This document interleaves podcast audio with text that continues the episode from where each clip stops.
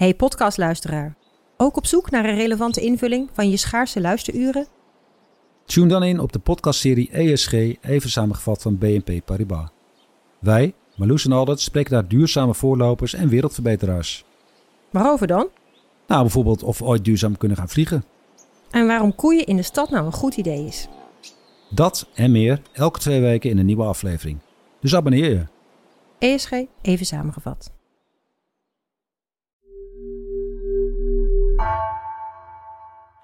My name is Ibrahim Adrame.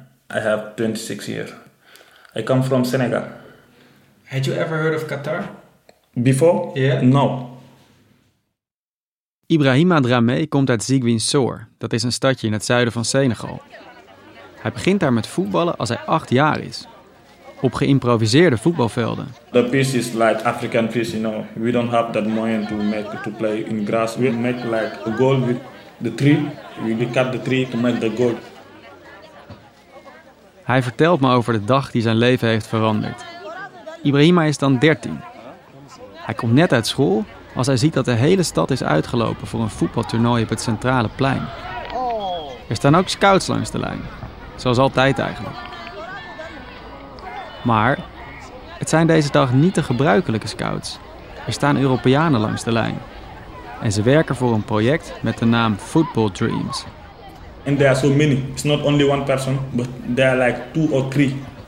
Hij rent naar huis om zijn voetbalschoenen te halen, schrokt wat eten naar binnen en gaat weer terug naar het plein.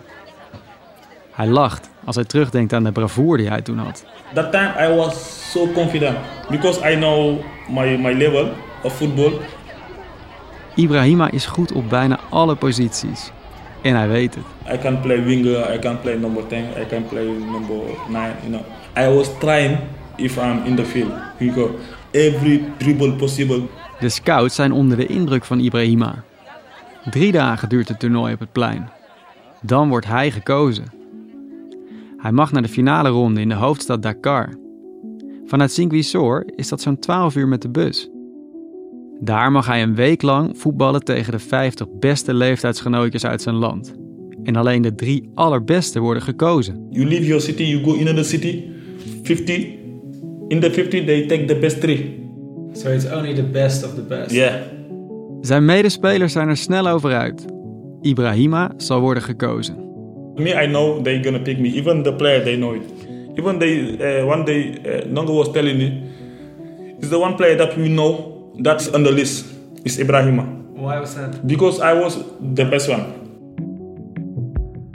De scouts zien hetzelfde. En niet lang nadat hij is teruggekeerd naar huis, krijgt hij bericht. Hij is uitverkoren. Alleen, Ibrahima gaat niet naar Europa, zoals hij aanvankelijk denkt wanneer hij de Europese scouts ziet op het voetbalpleintje in zijn buurt. Football Dreams is namelijk een Qatarees project. En dus vertrekt hij naar de hoofdstad van Qatar, Doha. Wat staat Ibrahima te wachten? Waarom heeft Qatar eigenlijk belangstelling voor deze Afrikaanse talenten? En wat heeft dit project met het WK te maken?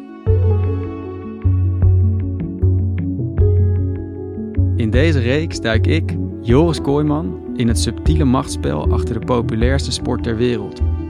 Een spel dat om veel meer gaat dan om voetbal en geld. This game is more than kicking the ball. This game has a value. Ik onderzoek de machtsgreep van de golfstaten in het voetbal. Wat willen die regimes bereiken? Wat moeten voetbalfans zoals ik ermee? En vooral, wie dragen de consequenties?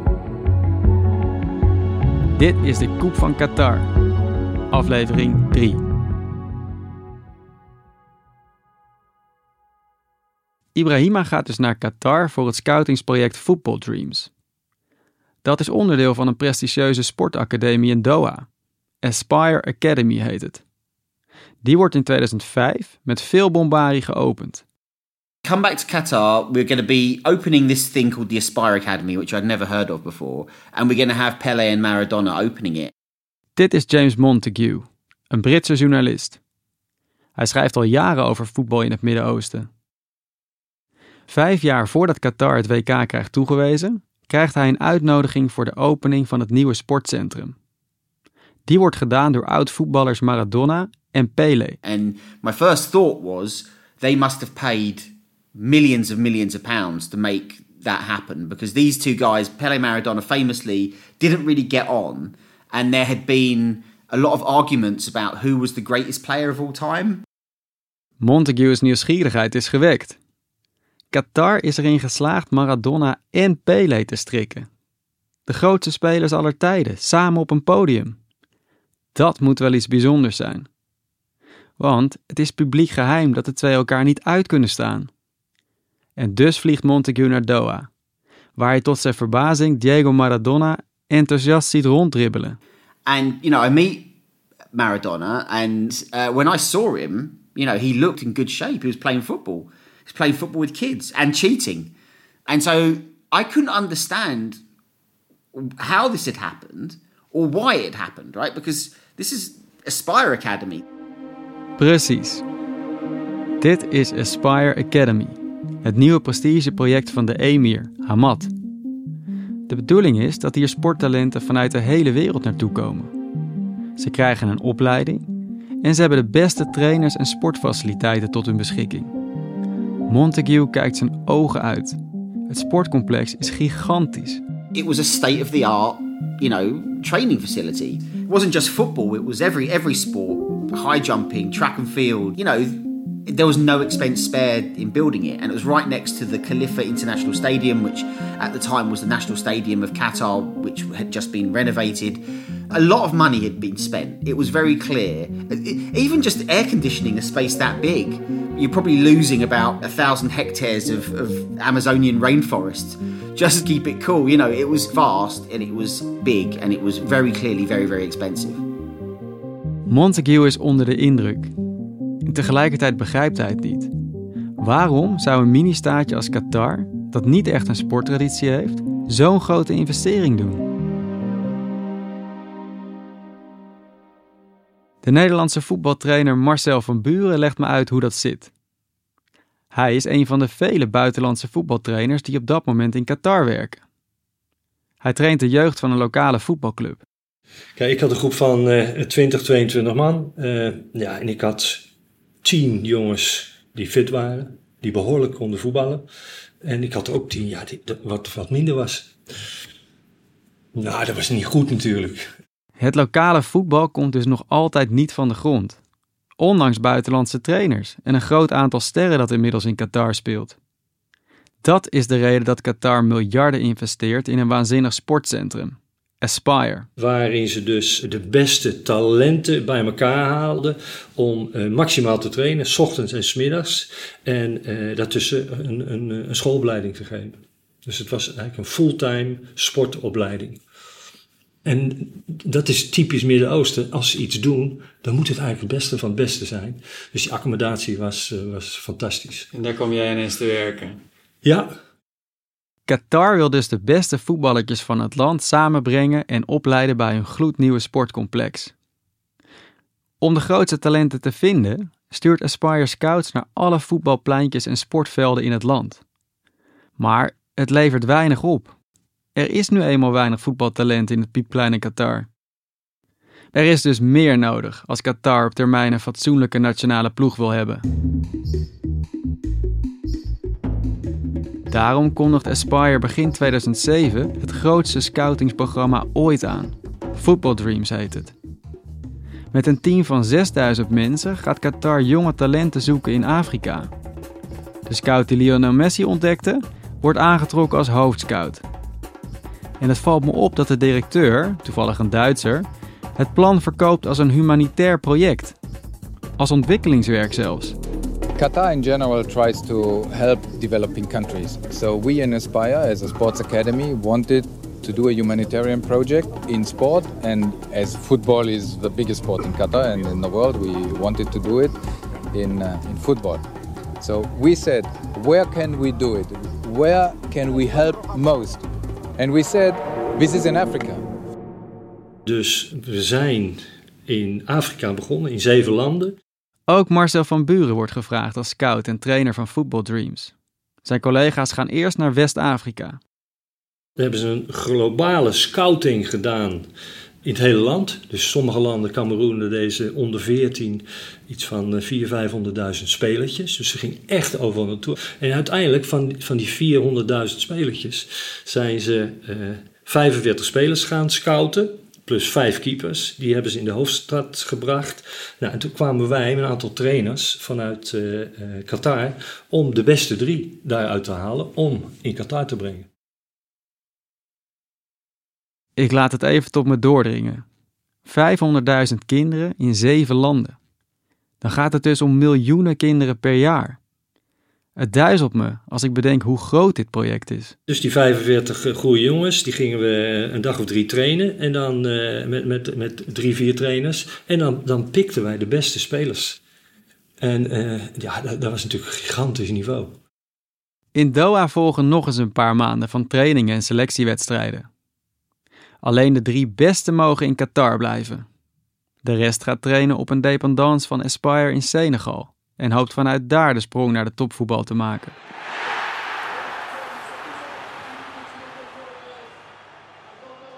Ik ben in Mantes-la-Ville, een slaperig voorstadje van Parijs. Daar, op de tweede verdieping van een grijze flat, woont de voetballer Ibrahima Dramé. Met zijn 1,95 meter doet hij me denken aan Zlatan Ibrahimovic, een lange, atletische spits als ik binnenkom, zit Ibrahima op de bank naar een herhaling te kijken van Celtic Real Madrid. Een wedstrijd die drie dagen eerder is gespeeld. Ik vraag hem naar zijn ervaringen in Doha. The first day that they bring us in, in Aspire, this was very nice. And people, they give you anything you want. You eat good, you sleep good, everything. They make you in the situation very comfortable. that you don't feel stress. You will feel happy and you will feel you want to stay here. Ibrahima vindt het er dus geweldig. Anderzijds kijkt hij soms met verbazing waarin hij terecht is gekomen. Ik schiet in de lach als hij vertelt dat Aspire de jongens met jeeps de woestijn in heeft gestuurd voor een teambuilding uitje. Een hobbelige rit, waarbij een aantal voetballers kotsmisselijk worden. To the desert? Yeah. What did you do there? Yeah, we go up, but uh, it's too much. You go up and go down, you think the car is falling. No, some player was crying, some player was vomiting in, in, in the car.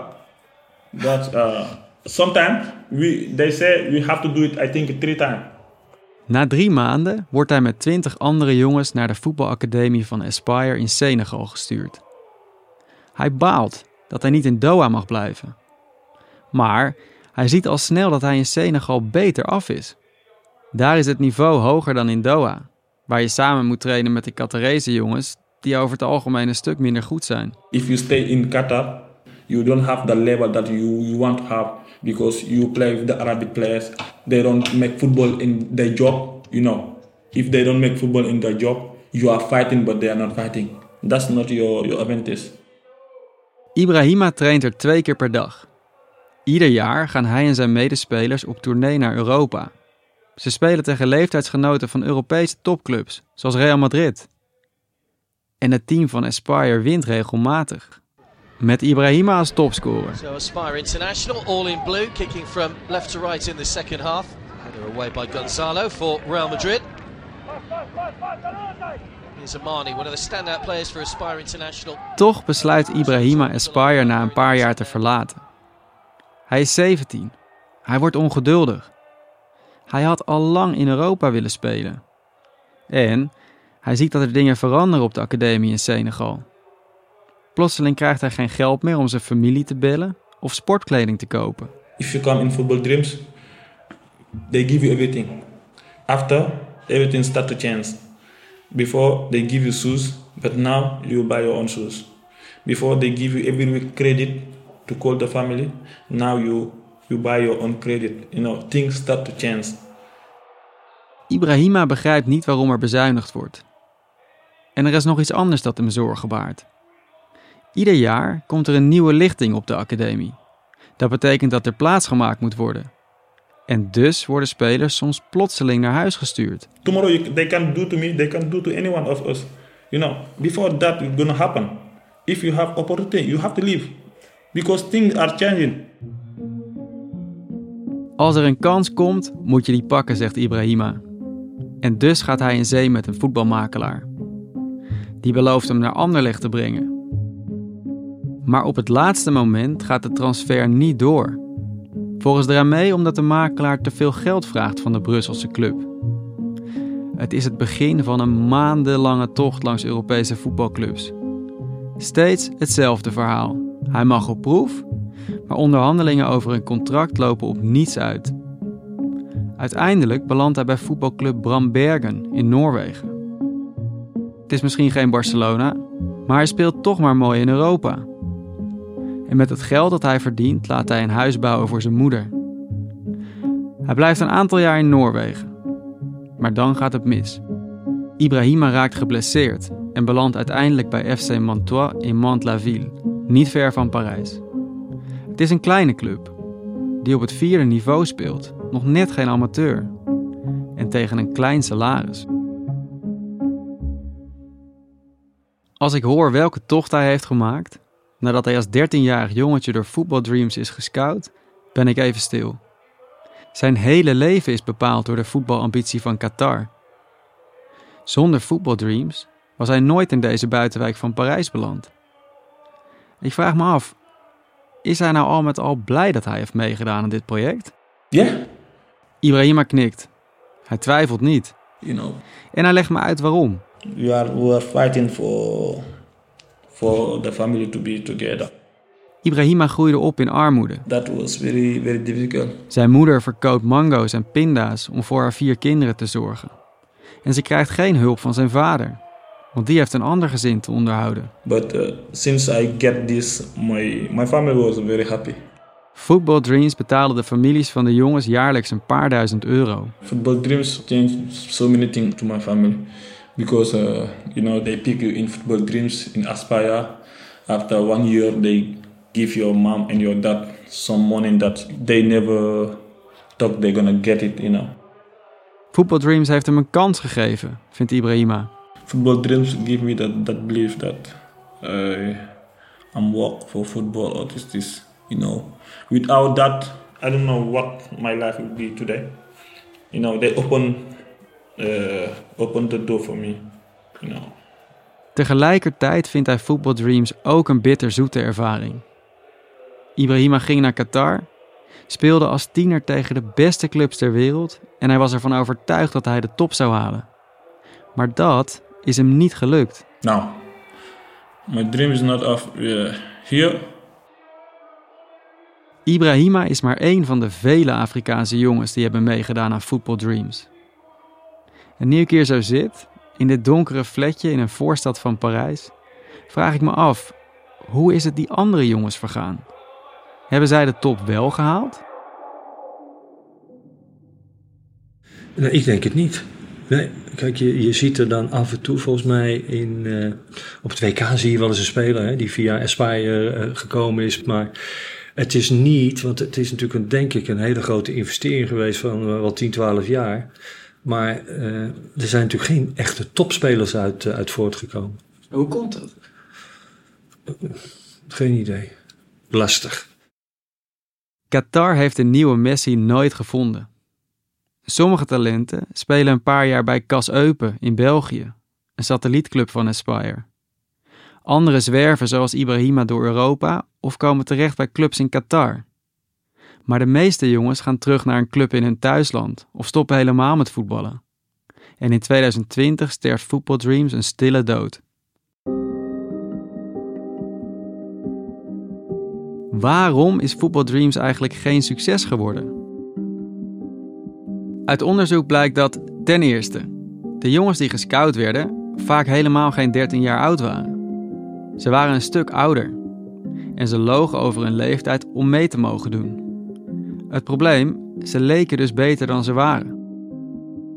En twee, medewerkers van Football Dreams hadden nooit eerder op deze manier met tieners gewerkt. De jongens misten daarom de juiste begeleiding. Ik weet nog dat ik voor het eerst over Football Dreams hoorde. En ik kreeg er een onheimisch gevoel bij. Het is toch het beeld van rijke witte mannen die arme Afrikaanse landen afstropen en minderjarige voetbaltalentjes van de straat plukken. Zogenaamd om ze te helpen, maar in werkelijkheid met een eigen agenda. Clubs als Ajax deden dit trouwens vroeger ook. En ik ben niet de enige die zich er ongemakkelijk bij voelt. Sebastian Abbott is de schrijver van een boek over Football Dreams en hij erkent mijn ongemak. They got a lot of criticism uh, the launch of the program of being like, but, but this is basically just another form of colonialism. You're a rich country, you're going to a bunch of poor countries, and you're basically just taking their natural resources. Like that doesn't seem right. Tegelijkertijd ziet Abbott ook dat de medewerkers van Aspire, zoals Van Buren, het beste voor hebben met de jongens. En dat sommige van hen dankzij Football Dreams aan de armoede zijn ontsnapt, in ieder geval tijdelijk. Dat is ook het verhaal van Ibrahima. Wat Abbott vooral pijnlijk vindt, is dat de jongens zulke hoge verwachtingen hadden van Football Dreams. En die zijn niet uitgekomen. I mean, I, th- I think that they expected that once they had gotten selected into the academy, I think these kids kind of thought, oh man, like I, I made it. Like I am going to be a massive star in Europe. Like I, I was just selected out of, you know, hundreds of thousands of kids in a tryout. Um, I'm now at this academy. I'm flying to Barcelona to play against Barcelona's youth academy teams and Real Madrid's youth academy teams. And I'm going to tournaments in different parts of the world. You know, I think these kids that they that was their you know ultimate goal was to to all make it to Europe and and play at a high level. And I think they sort of felt like this had been some kind of miracle that had fallen in their lap, and that they were now on that path and they were going to make it. What happened if these expectations didn't get fulfilled? I mean, many of the kids didn't. Well, we haven't seen the, the massive superstar. So what happened to these kids? Yeah, I think a lot of them ended up disappointed. Um, you know, a lot of them ended up back in Africa or playing at you know low levels uh, in different places in the world. Maybe it's Europe, maybe it's the Middle East, maybe it's India. You know, um, and I think that the results didn't really match the expectations in terms of what kind of players would come out of it. Um, you know, especially given that their expectations had been so high. Er is één ding dat ik niet begrijp. Al vrij snel na de start van Football Dreams blijkt dat deze Afrikaanse jongens helemaal niet in het Qatarese nationale team mogen spelen. Waarom steekt Qatar dan toch honderden miljoenen dollars in dat project? Nou ja, goed, dat is ook weer een bepaald, ja, moet ik zeggen, uh, wij hebben die spelers ontdekt. Wij hebben ze uh, ontwikkeld uh, vanuit Qatar. En wij kunnen die spelers daar afleveren. Dus het is, het is ook een beetje ja, jezelf op de borst slaan, want dat, dat kunnen wij. dus de wereld laten zien dat het niet alleen olie en gas is, maar meer. Prestige dus. Maar dat is niet het enige, zegt voetbaltrainer Marcel van Buren. Er zit nog een andere gedachte achter Football Dreams. En dat heeft alles te maken met het WK. Want in 2008 wordt bekend dat Qatar zich kandidaat wil stellen om het WK te organiseren. Dat Aspire dan net met Football Dreams is begonnen, is geen toeval, denkt Van Buren. Waarschijnlijk zat toen al het, idee erachter van uh, nou ja, het WK krijgen.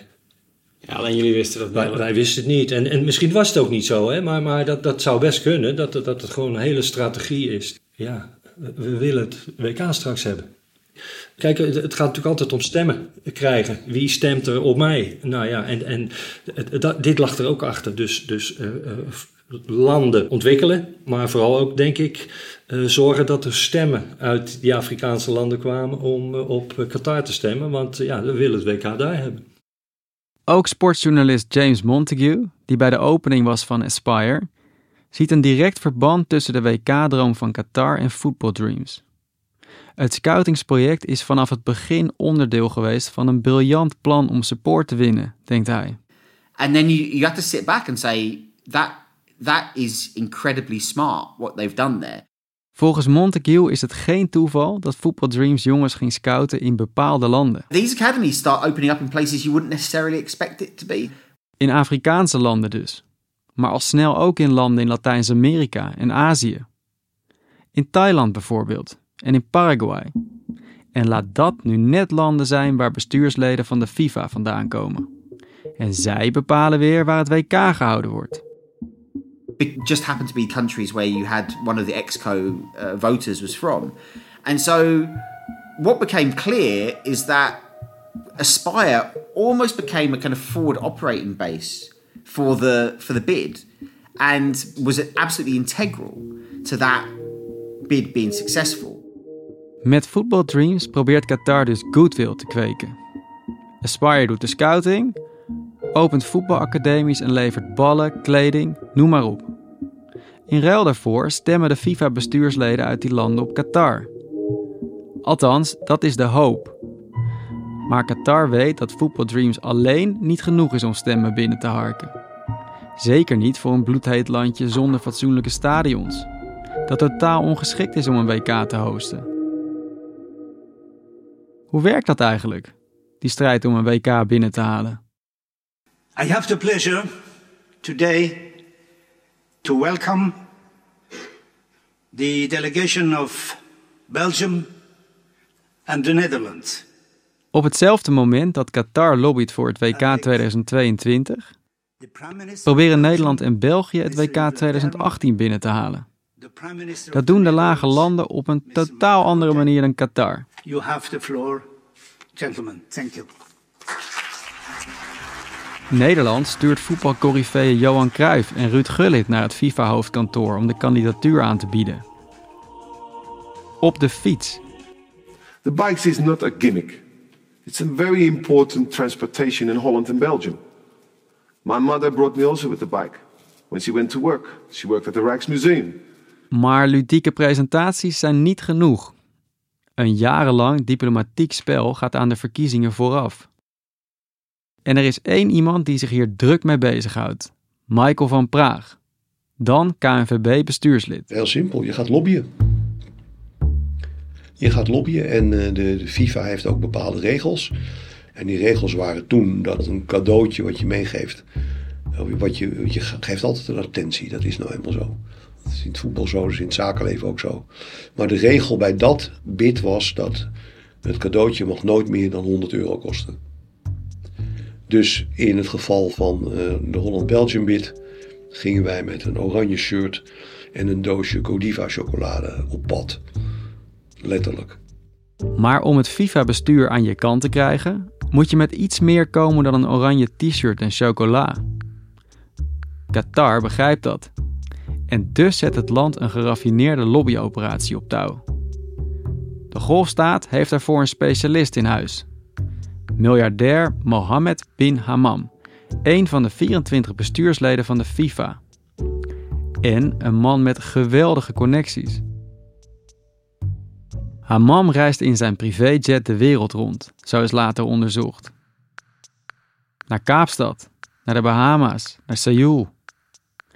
Hij trakteert zijn vrienden uit het FIFA-bestuur op luxe etentjes en overnachtingen in vijfsterrenhotels. Of hij laat ze een paar dagen geheel verzorgd langskomen in Doha of Kuala Lumpur, waar Hammam als baas van de Aziatische Voetbalfederatie een kantoor heeft. Hammam vervoert zijn gasten in limousines. Hij maakt boottochtjes met ze. En hij geeft ze duizenden dollars zakgeld. En wat doen Nederland en België? Je maakt afspraken met elk bestuurslid wat stemmen mag. En die afspraken kunnen in Nederland zijn of in België. Eh, maar het kan ook zijn dat je daar naartoe gaat. We hadden onszelf verdeeld in twee lobbygroepen. En uh, nou, jullie gaan naar Zuid-Amerika, jullie gaan naar Cairo, jullie gaan doen dat. Die laten we naar Nederland komen. Dat spreek je allemaal met elkaar af van tevoren. Echt een plan de campagne maak je om, uh, om op zo kort mogelijke tijd, op zo'n goed mogelijke manier, je bid onder de aandacht van de stemmende bestuursleden te krijgen. De bestuursleden van de FIFA worden dan uitgenodigd en ingevlogen voor een etentje of borrel, waar ook ter wereld. Dus dat zijn hele leuke gesprekken. Dat gaat over uh, hoe gaat dat in jouw land? Wat, uh, hoe is het voetbal daar geregeld? Hoe is het in Nederland geregeld? Nou, en dan kom je een beetje op het bid. Waarom wil je dat? Dat leg je uit. Je legt de voordelen uit van het, van het bid ten opzichte van andere collega's of concurrenten. De FIFA World Cup in de lage landen zal iedereen, maar ook iedereen, een goed en veilig gevoel geven. En zo probeer je ze te paaien. Maar je krijgt natuurlijk nooit een toezegging. He, er wordt altijd vriendelijk gekeken. Ja, nou, het is een mooi bid hoor, prachtig. Het ziet er goed uit. Ja, ja, ja. Je hebt er ook bij die zeggen, ja, dat gaan we doen hoor, we stemmen op u.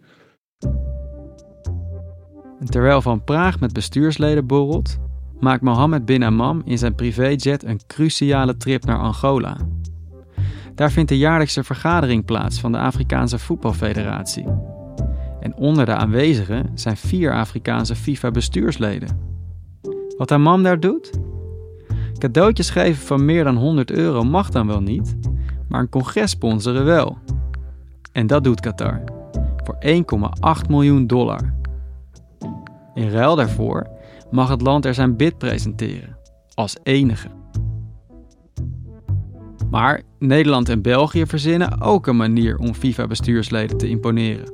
Een, mooie anekdote is wel dat uh, de Belgische koning had gezegd: Ik ben vier keer beschikbaar.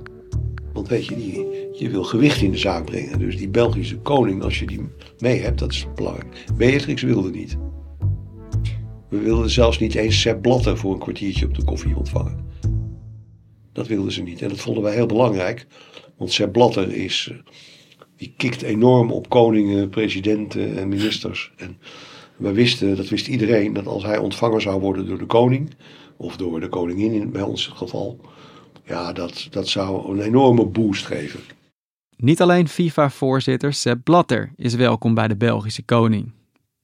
Ook zijn goede vriend en FIFA-bestuurslid Mohammed bin Amam mag op audiëntie komen. Want terwijl hij lobbyt voor het WK 2022, mag hij zelf stemmen voor het WK 2018. Nou, dan gaan we die Amam, Qatar, uh, oliestaatje, invloedrijk land. Die, die, waren toen al een beetje aan het flirten met clubs en zo. En uh, laten wij hem dan door de koning laten ontvangen. Nou, de Belgische Bond heeft 14 dagen van tevoren gebeld. Ja hoor, dan en dan kan u komen. Nou, ik mocht mee. Uh, want ik zat nou eenmaal in het Belgische bidgroepje. En dat was in het kasteel in Laken. Prachtig. Daar kwamen we binnen. Er stonden allerlei lakeien met bladen vol drankjes en hapjes. En er stonden allerlei dingen. Ik had me netjes aangekleed. En uh, nou, dat was, werd een heel geanimeerd uh, samen zijn. Waarbij de koning is gewoon een heel gewone man, weet je wel. Die heel erg leuk en geïnteresseerd was in. God, waarom doen de Hollanders en de Belgen dat samen? En wat is dat goed voor de, voor de Benelux? Nou, Benelux zat er dan niet bij. Maar wat is dat goed voor de lage landen?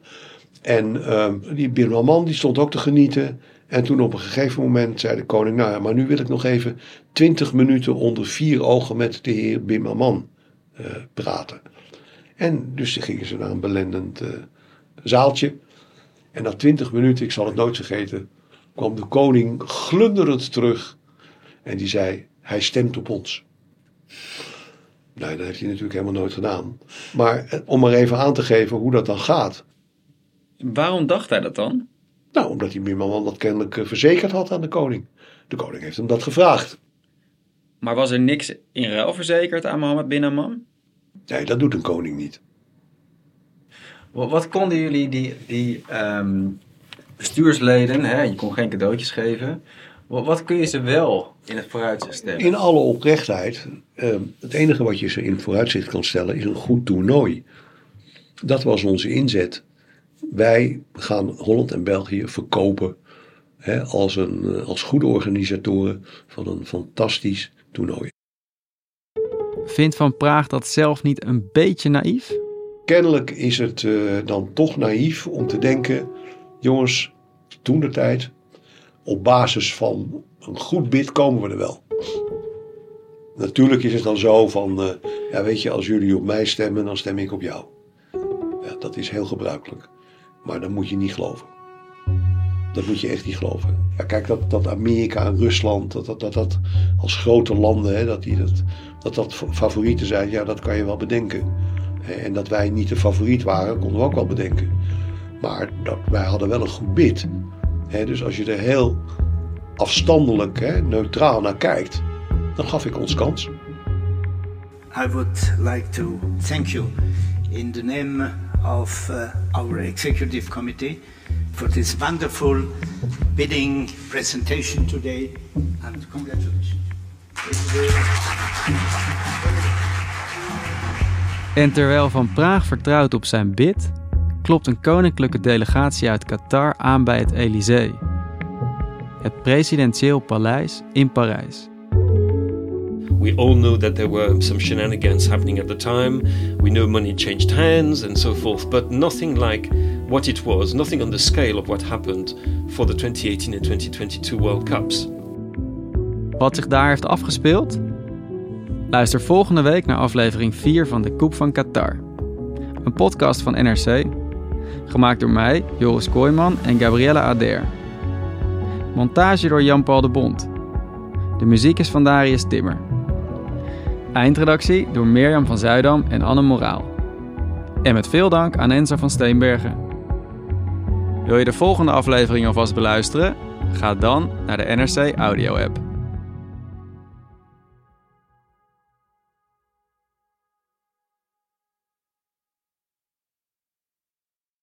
Technologie lijkt tegenwoordig het antwoord op iedere uitdaging. Bij PwC zien we dit anders. Als we de potentie van technologie willen benutten, kunnen we niet zonder een menselijk perspectief. Human-led, tech-powered noemen we dat. Ga naar pwc.nl.